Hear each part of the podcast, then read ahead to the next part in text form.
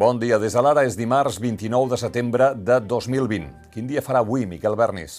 Fins a mig matí hi haurà alguns núvols, però bona part del dia serà de cel serè. Al migdia el termòmetre s'enfilarà per sobre dels 25 graus amb més facilitat que ahir. Demà i dijous farà més calor, però al cap de setmana una nova entrada d'aire fred revifarà l'ambient purament de tardor.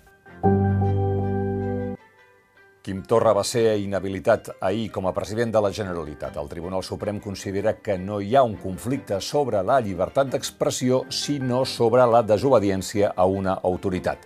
Avui, el ja 131è president visitarà els presos polítics a Lledoners i mantindrà després una conversa telemàtica amb l'exili.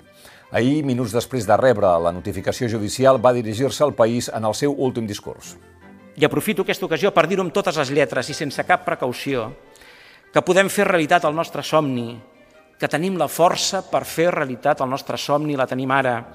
Si tenim clar que el poder és en cadascú de nosaltres i en anar tots plegats.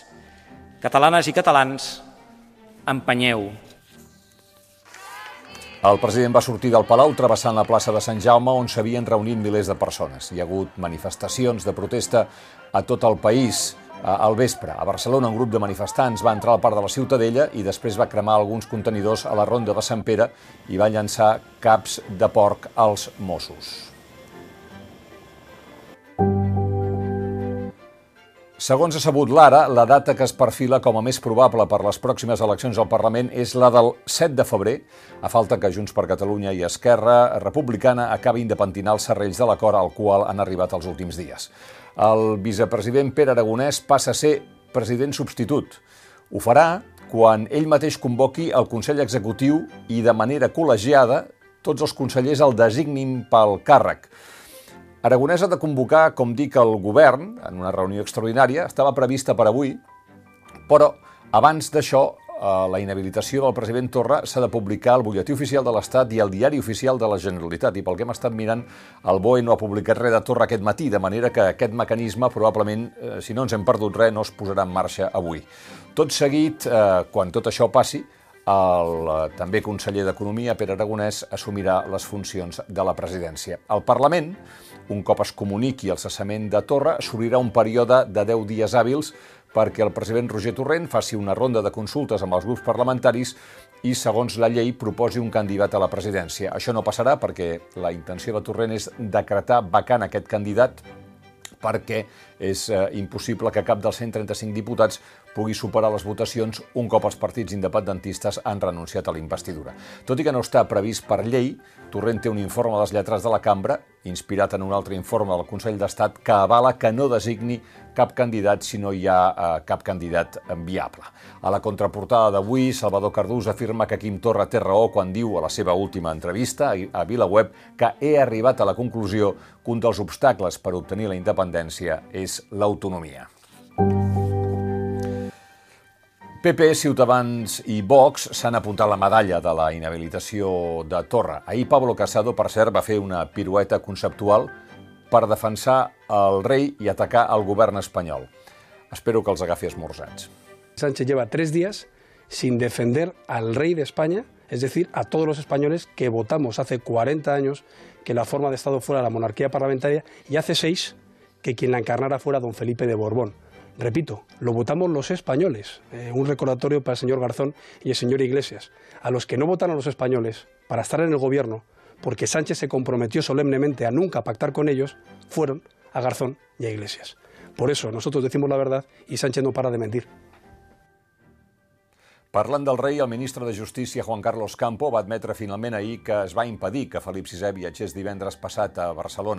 La ministre eh, diu que això es va fer per la proximitat de l'1 d'octubre, en el tercer aniversari del referèndum i per l'imminent sentència sobre la inhabilitació del president Quim Torra. El govern espanyol va demanar al president del Tribunal Suprem, Carlos Lesmes, que posposés la celebració de l'acte amb l'argument per què havíem de generar una tensió. La cirereta del pastís judicial eh, la va posar o la va rebre ahir l'exregidor d'Esquerra de Sant Joan de Vilatorrada, Jordi Pesarrodona eh, va ser condemnat ahir per un jutjat de Manresa a un any i mig i dos mesos d'inhabilitació i una multa de 2.100 euros per desobeir la Guàrdia Civil l'1 d'octubre. No li donin més voltes, el poder no pot tolerar que en facin paròdia i a Pesarrodona li han fet pagar aquesta foto. Pel que fa a la pandèmia, el món ha passat fa unes hores la xifra del milió de morts oficials per a Covid-19. A Madrid continua el lamentable desacord entre el ministre de Sanitat Illa i la presidenta regional Ayuso i a Catalunya el primer gran cribatge massiu en una escola ha acabat amb el 40% dels alumnes eh, confinats. L'escola Puigdegut de Manlleu, a Osona, ha tancat 8 dels 23 grups estables després de saber-se els resultats de les proves eh, PCR que es van fer a tots els alumnes, mestres i personal de l'escola. Mentrestant, sembla que tindrem ERTO fins al 31 de gener, eh, després d'una reunió de gairebé 10 hores i quan faltaven dos dies perquè caduquessin els actuals ERTO, el govern de Sánchez i els sindicats van arribar a un acord ahir al vespre. Dic que sembla que es prorrogaran fins al 31 de gener perquè la patronal no s'ha sumat a l'acord encara. El Consell de Ministres d'avui sí que té previst prorrogar les ajudes pels autònoms fins al 31 de gener. La matinada que ve a hora nostra se celebrarà als Estats Units el primer debat presidencial entre Donald Trump i el seu rival demòcrata Joe Biden. Biden haurà de la prim per no caure en les provocacions de Trump, que hores abans del debat ha demanat que li facin a Biden un test de drogues. A les pàgines d'opinió trobareu un article de Joan Beculla en què fa passar per l'adreçador Manuel Valls per haver inspirat la retirada d'honors municipals de Barcelona a Divert Barrera. Culla, historiador que va tractar Barrera, diu que el qui va ser president del Parlament era un colós en comparació amb els catons de via estreta que l'han censurat. Acaba Culla, m'hauria agradat veure'ls al front del Segre. Demà arribarà als cinemes el documental Eso que tu me das, que recull l'entrevista que el periodista Jordi Évole li va fer a Pau Donés setmanes després de morir. Repetia ahir Évole en la presentació una idea en què Donés insisteix en el film. No ens han educat per la mort i, en canvi, és útil ser-ne conscients.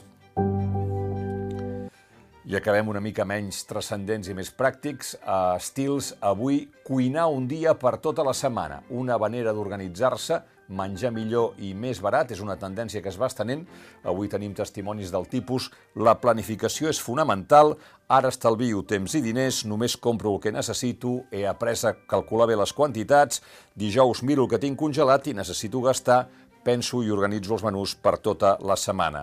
He comprat carmanyoles de vidre que conserva millor el menjar. Dia a dia em vas aprenent. Dilluns o diumenge cuino, en menys de 3 hores ho tinc tot a punt i estic encantada. En fi, l'actualitat no està tan encantadora. En parlem d'aquí uns minuts a l'anàlisi de l'actualitat. Fins aquí les claus del dia.